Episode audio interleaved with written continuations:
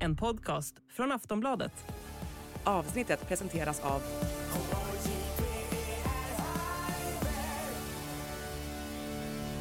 Stödlinjen.se, åldersgräns 18 år.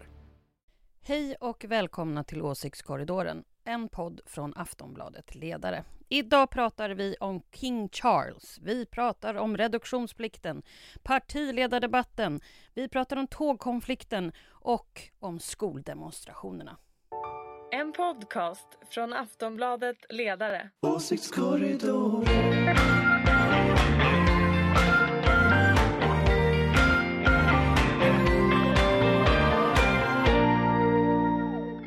Hej och välkomna till Åsiktskorridoren, Aftonbladet Ledares podd om politik och ditt myggstift när samhällsdebattens blodsugare börjar surra. Med mig för att snitsa, snitsla en stig genom politikens irrgångar har jag som vanligt vår panel med några av svensk politiks mest skarpögda betraktare. Från den gröna och liberala tankesmedjan Fores, Ulrika Schenström, oberoende moderat som vi säger här. Eh, välkommen när du har tagit färdigt en selfie. Ja, jag vet, jag vet, jag är hopplös. Ja, hej, hej, här är jag. Jag är här nu, jag skärper mig. Eh, från Aftonbladets oberoende socialdemokratiska ledarredaktion Susanna Kirkegård. Du är Hallå. också välkommen. Tack så mycket. Ja. Och dessutom från samma oberoende socialdemokratiska ledarsida Aftonbladets politiska chefredaktör Anders Lindberg. Välkommen. Hallå eller? Ja, nu kom det där göteborgska. Ja, nu kom det igen. Hallå, eller? Ja, själv heter jag Ingvar Persson och arbetar eh, till vardags också på Aftonbladets ledarsida. Men i den här podden är det min uppgift att ställa frågorna och det tänkte jag börja med alldeles direkt. Helgens riktigt stora mediehändelse i världen måste ju ändå ha varit kröningen av kung Charles i London. Eh, hög tid skulle man kanske kunna säga och det var väl vad kung Charles tyckte också om man har förstått saken rätt. Eh, festen kan möjligen fortfarande pågå. Jag tänkte inte be er recensera ceremonierna eller tolka familjebilder från balkongen. Men jag undrar, tror ni kung Carl Gustaf kände ett stygn av avund när han betraktade prakten kring det brittiska kungahuset? Susanna? Man känner väl ett avund själv. De där mantlarna, man skulle liksom vilja prova dem och se hur tunga de är att gå med. Jag blir alltid väldigt imponerad av liksom att de orkar hålla uppe. Det var ju någon eh, Tory-politiker som stod med ett jättetungt svärd Ja, hon, så här, ja. rakt Mm, ut mm. i händerna i en timmes tid. Alltså jag blir alltid väldigt imponerad bara hur de lyckas släpa runt på allting. Det är själva fysiken. Men du, som- Ja, det, är själva det, där, det där fysiken. svärdet kanske var gjort i typ skumgummi. Nej, Hon hade tränat med en PT. Hon hade tränat med en PT i flera månader bara på att hålla ut en tung sak liksom med händerna. Alltså där är monarkin är inte på skoj. Nej, det, måste, det kan man ju säga då. På skoj. Men den kanske inte är helt modern heller. Eh, Nej, det kan ju vara en invändning, men det är mycket som inte är det. Och det brukar inte stoppa folk. nej. Ja, Ulrika, vad tänker du? Nej, men alltså, jag tänkte nog mest på ehm, när jag jag satt och tittade på det där. Jag hade någon, någon föreläsning där mitt i det där, men jag, jag lyckades få allihopa på Fores, vår akademi, eh, att, att stanna upp när, när kronan sattes på. Så att det var någon som hade koll så vi kunde liksom byta min reformutvecklingsföreläsning till detta. Så det var lite spännande. Men det jag tänkte mest på sådär, det, det är ju att det måste ha varit sjukt stressande. Alltså, alla vi som kommenterar saker ibland då och då. Under en valrörelse så funderar man ju inte ett dugg för då blir det bara som ett så här vandrande teatersällskap som kommenterar sådär. Men är- man har ju alltid en liten så här, jaha nu gör jag direktsändning så man skärper sig lite och man blir så här. Tänk att ha ett par miljarder som tittar på det. Jag skulle undra hur många betablockerare karln hade tagit tänker jag. Behöver man det efter att ha tränat sig, apropå det här med Nej, P? men han har vä- väntat liksom i Ja. 60 år på det här. Ja. Ja, jag tror att det är ganska pirrigt. Tror ni inte det? Men tror ni ens han märker att folk kollar? Han ser ju lite frånvarande ut, liksom bara blicken. Ja, men det var ju det som gjorde att jag tänkte att han kanske Ja. var lite stressad. Han kanske ju- bara inte förstår. Ja. Ett ämne för Det är klart, Filip han är ju och Fredrik. född in i det där, så Ja. det kanske är så att man, man tror inte att det där är en... Han blir väl snarare Kamera. nervös när ingen tittar. Då, vem Ja, ja, är nej, han men då? jag kanske har fel här, men jag, tyckte, Ja. jag, jag kände... Ja. Du blev lite imponerad fick av det. Så här, ja, Ja. inte imponerad, men jag blev nästan lite stressad själv, som jag fick hans ångest på något Jaha. sätt. Där ser man. Anders, vad, vad tycker du? Har vi för lite militärparader och, och, och kröningsceremonier i det här landet? Alltså jag, jag tittade inte i lördags. Jag var på, eller söndags, nej, nej det var lördags. Nej, utan jag var på Katalys 10-årsjubileum istället. Eh, och och eh, undervek faktiskt alltihopa. Ja, Så att, eh, så att jag, jag, är ganska, jag är ganska nöjd med mängden militärparader och höjning eh, och, och, och kröningar i Sverige. De är inte så många. du tycker liksom beridna högvakten, det räcker? Ja men beridna högvakten är väl trevlig tycker jag. Och sen så det är ju alltid roligt med lite stridsvagnar och sånt som rullar omkring men men, Såklart han fick in det men, men, men, men jag måste säga att jag, jag, jag tycker det här är lite fånigt alltså. Det gör jag ju, det måste jag ju tyvärr erkänna. Det är, det är lite så här Game of Thrones live på något sätt ungefär som de här Jag kommer ihåg i, scouterna när jag var liten då hade man så här Astrid Lindgren vandringar och så skulle alla liksom klä ut sig till olika saker och så skulle barnen få träffa liksom eh, Ronja Rövardotter i skogen och så.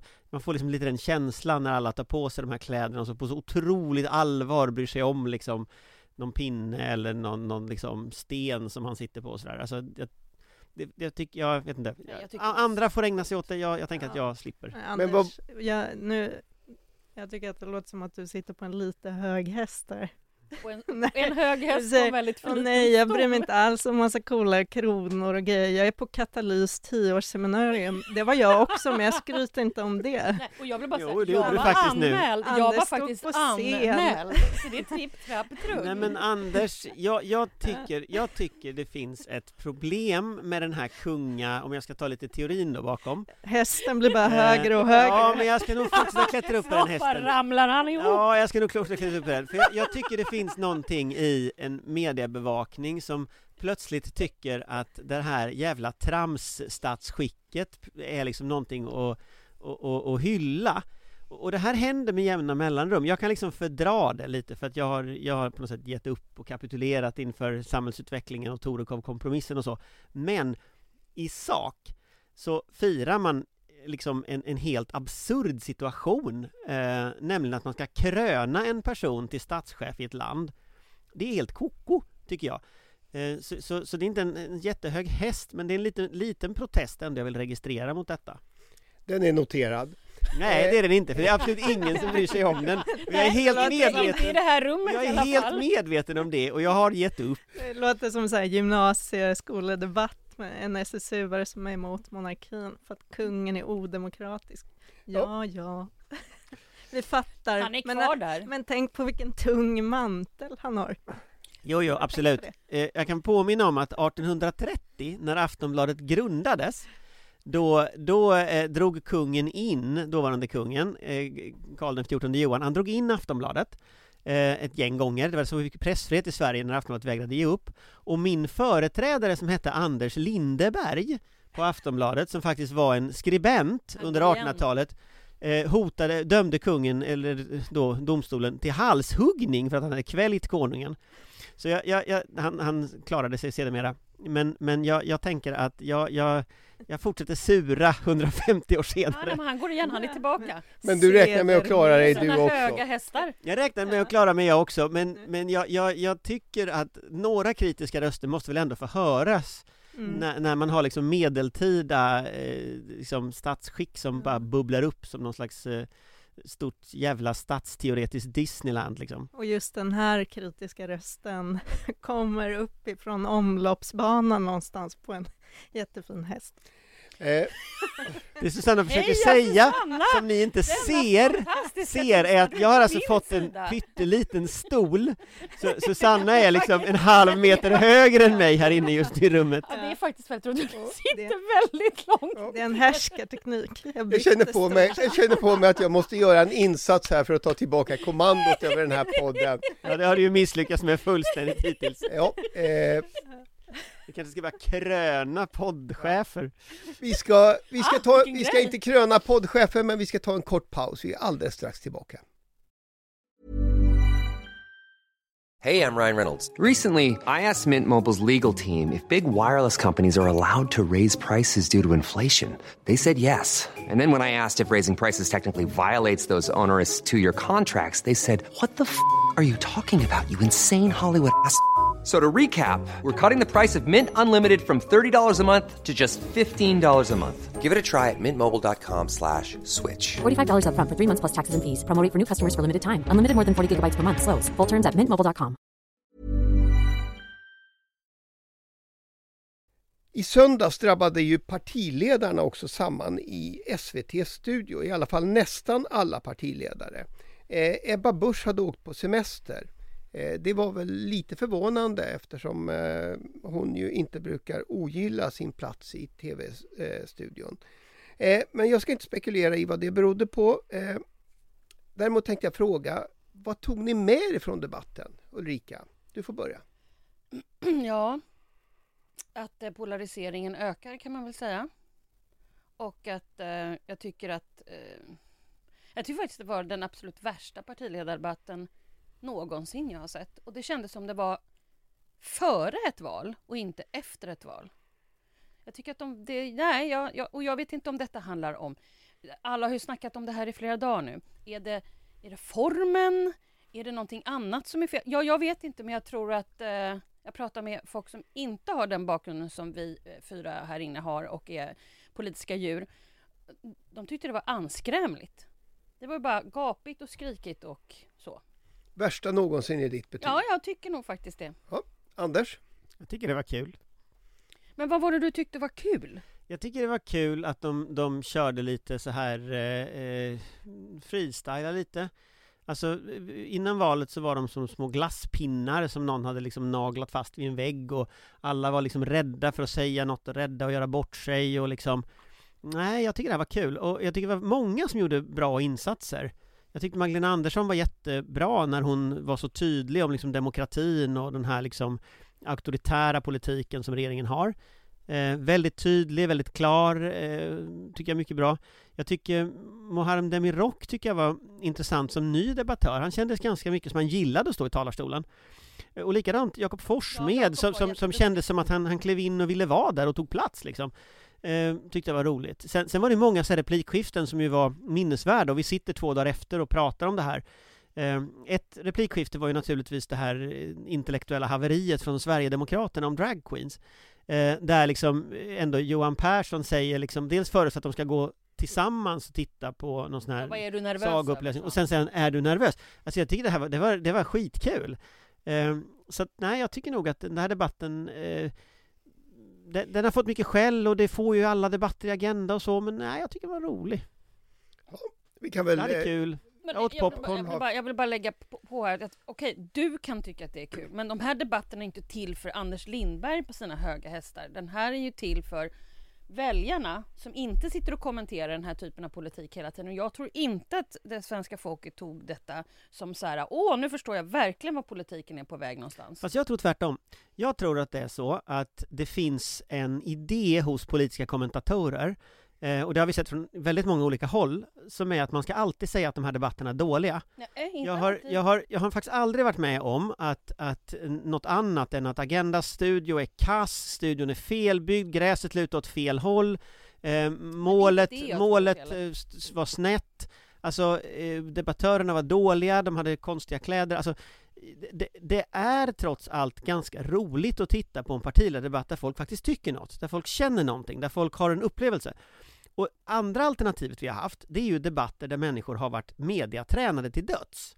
Och jag tycker in- inför valet så tycker jag det var verkligen så. Alltså folk var så mediatränade som jag, jag, jag höll på att somna. Nu har liksom, nu var det lite så här Magda Unchained, nu var det, nu händer det saker och det tycker jag är kul. Ja, Susanna, du får sista ordet.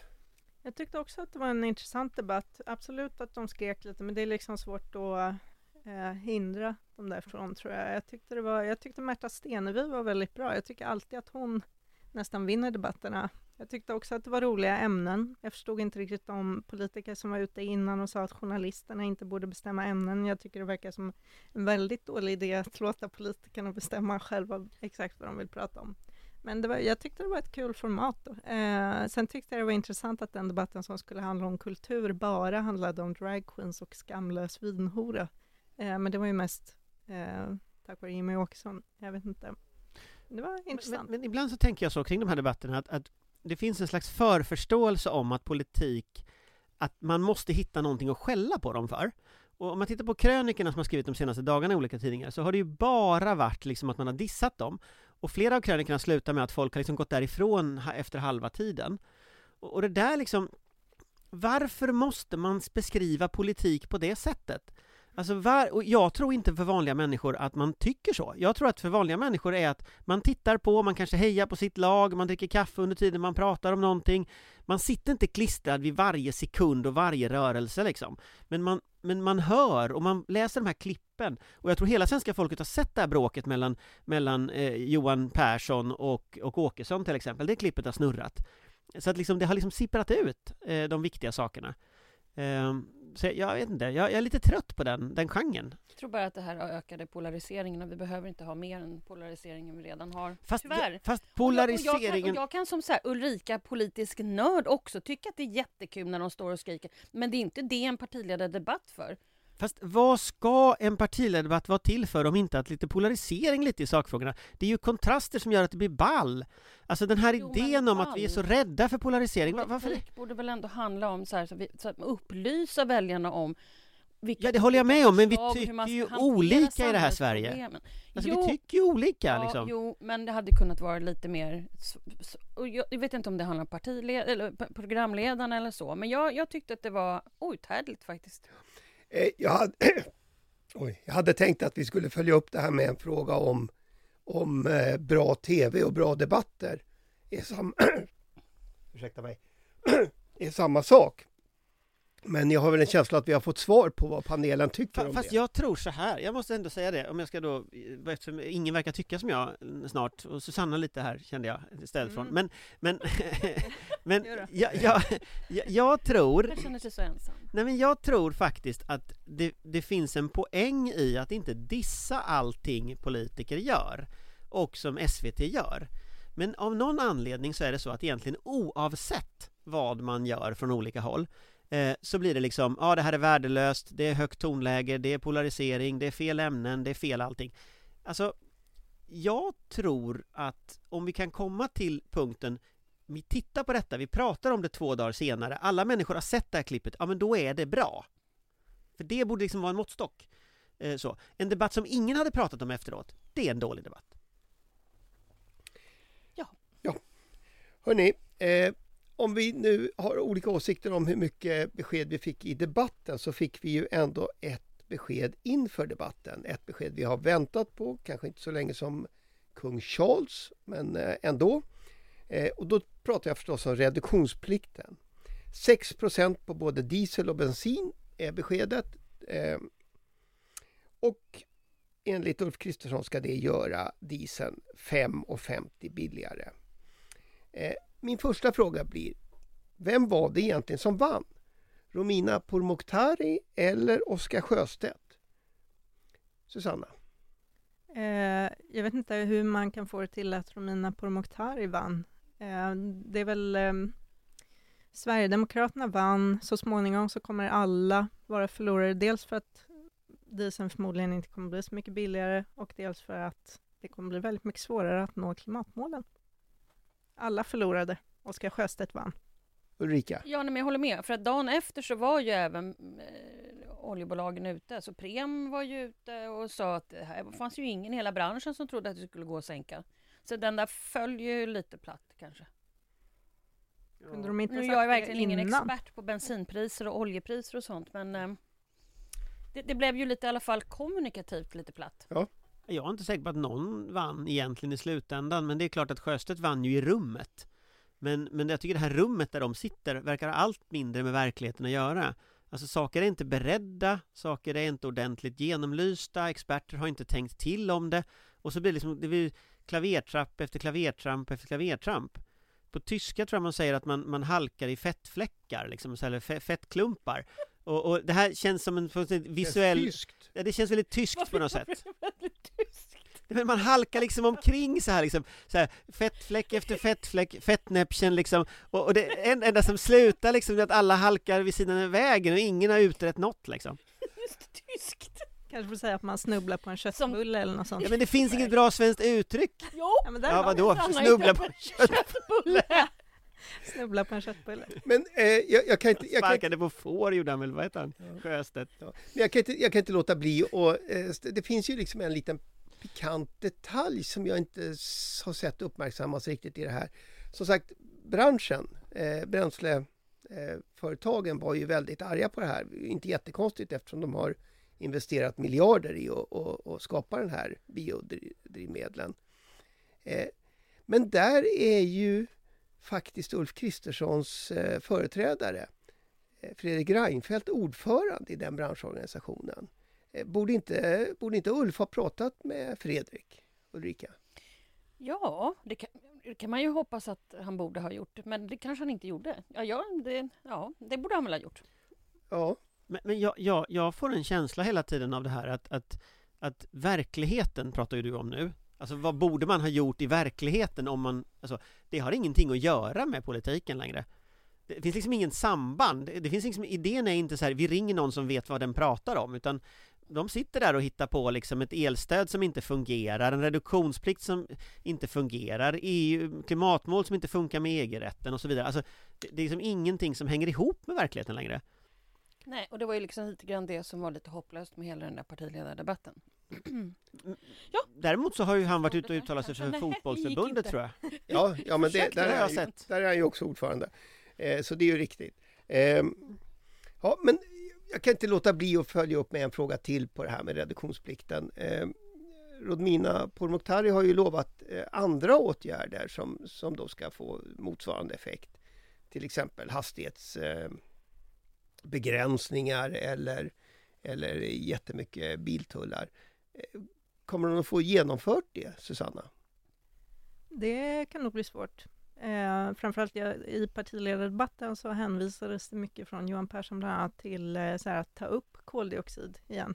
Problemet är ju bara att det eh, görs inget av det ännu, för det går inte riktigt. Det är på gång. Men det är liksom allt sånt där är ju väldigt så här, vagt långt i framtiden. Det som kallas CCS. Ja, Nej, men alltså sänkta hastighetsbegränsningar för Sverigedemokraternas väljare skulle väl vara typ demonstrationer.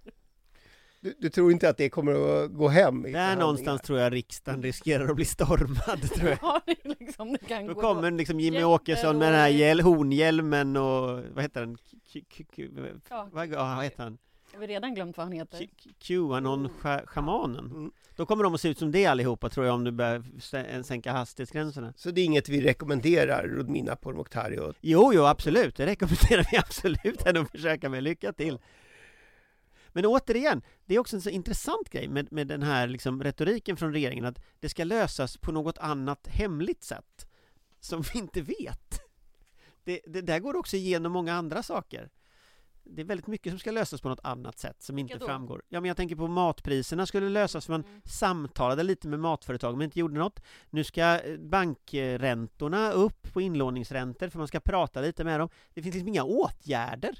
Det finns liksom inget vi tar en proposition om X och så lägger man faktiskt fram den utan det blir så här så testballonger som blir liksom bara koldioxid. Eller nånannanismen ska hantera situationen. Nånannanismen, ja. Fast det finns ju områden där man är rätt så drivkraftig eh, som när det gäller att byta ut generaldirektör och sådär. Det gör det. Men just för att lösa samhällsproblem så är det inte så. Där ser man. Hörrni, eh, en annan nyhet som ju också rör transporter handlade, eh, har ju handlat om fackförbundet Sekos varsel om konflikt för järnvägen. Eh, Medlingsinstitutets medlare jobbar just nu för högtryck. Men skulle de inte lyckas så stannar väldigt många tåg på fredag. Frågan för panelen blir då, är strejk rätt sätt att lösa konflikter på arbetsmarknaden 2023? Ulrika? Svårt att säga. Jag tycker att svenska folket är väldigt mesiga när det kommer till det här med att strejka och demonstrera. Det kan hända hur mycket som helst och ändå sitter vi så här, ja nej men eh, nej, nej jag ska inte ska jag låta, jag inte, nej, nej, nej.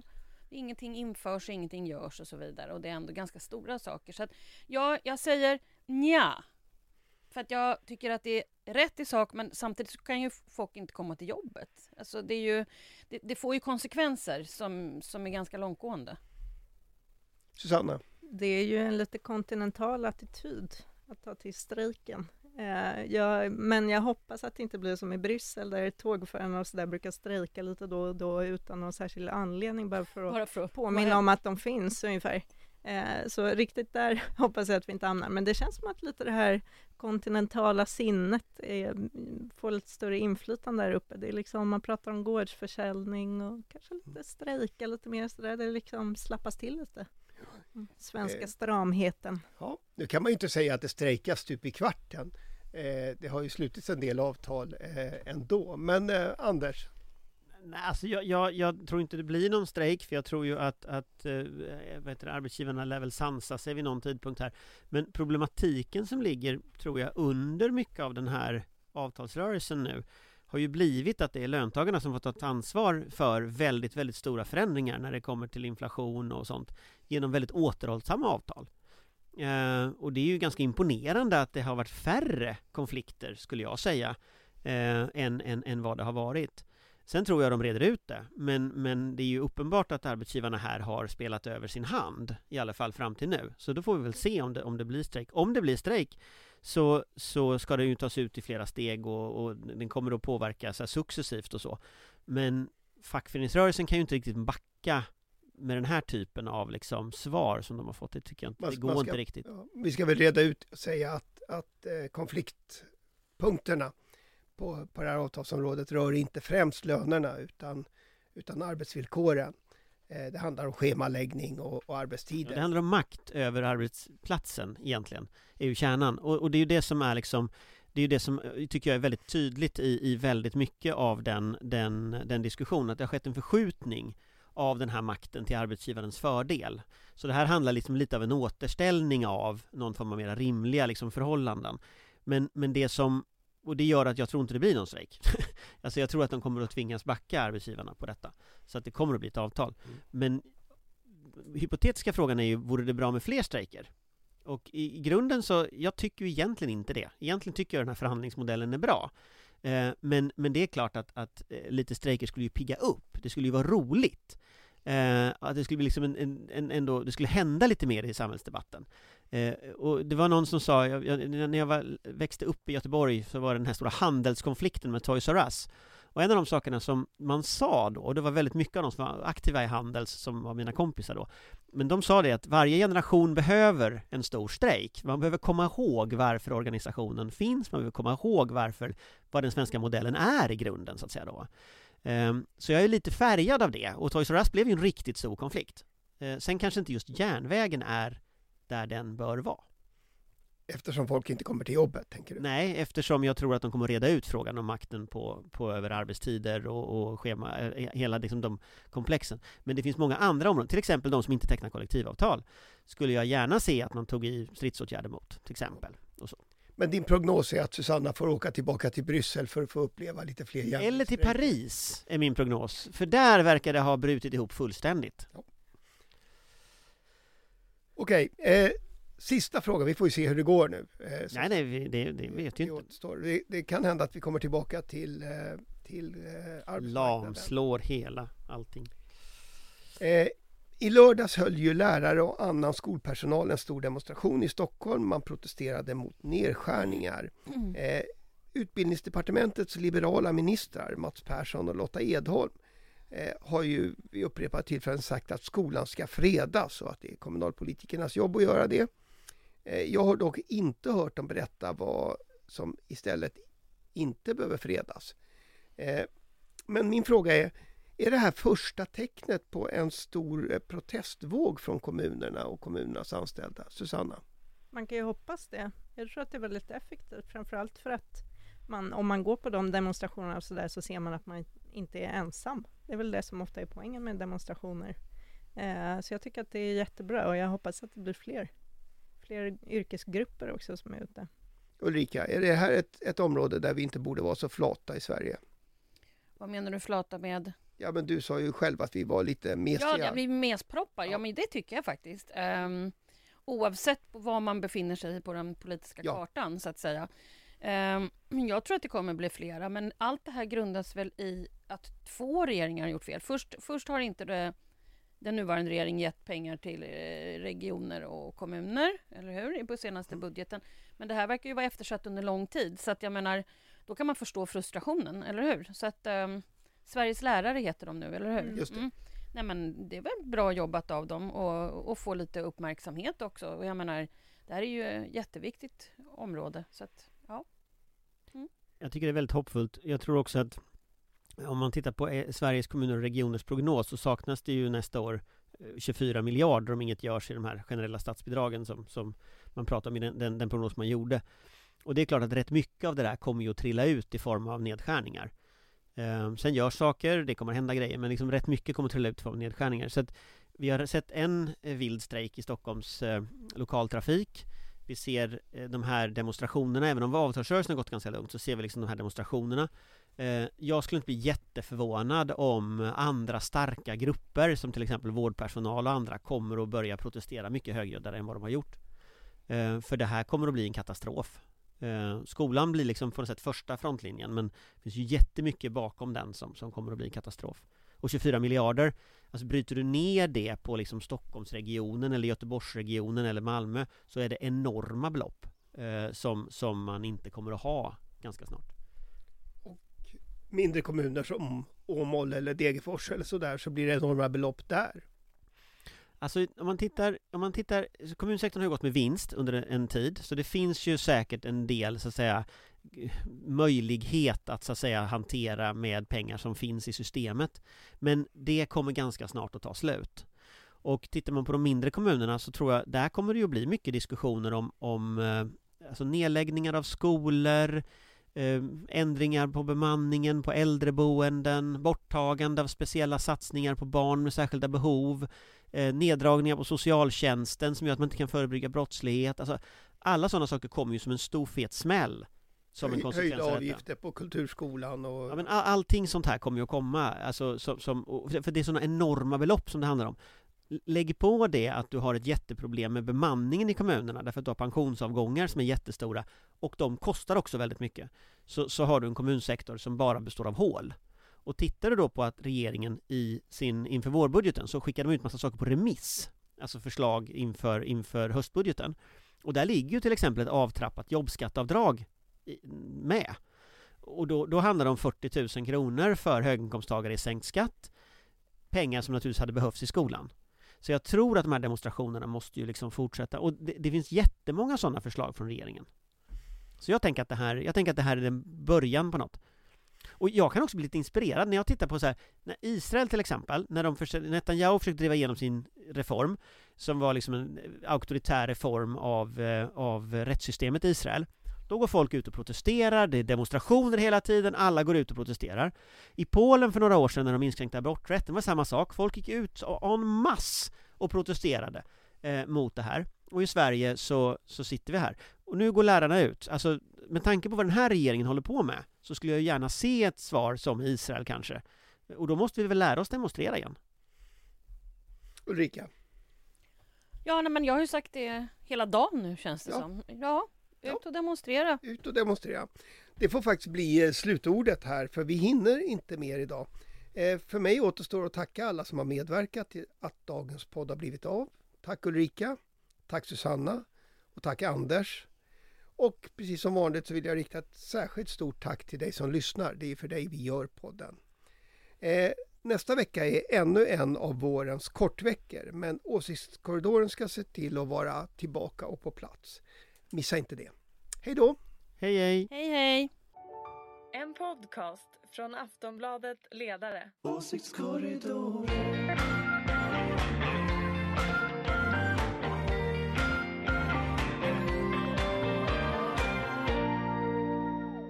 Du har lyssnat på en podcast från Aftonbladet. Ansvarig utgivare är Lena K Samuelsson.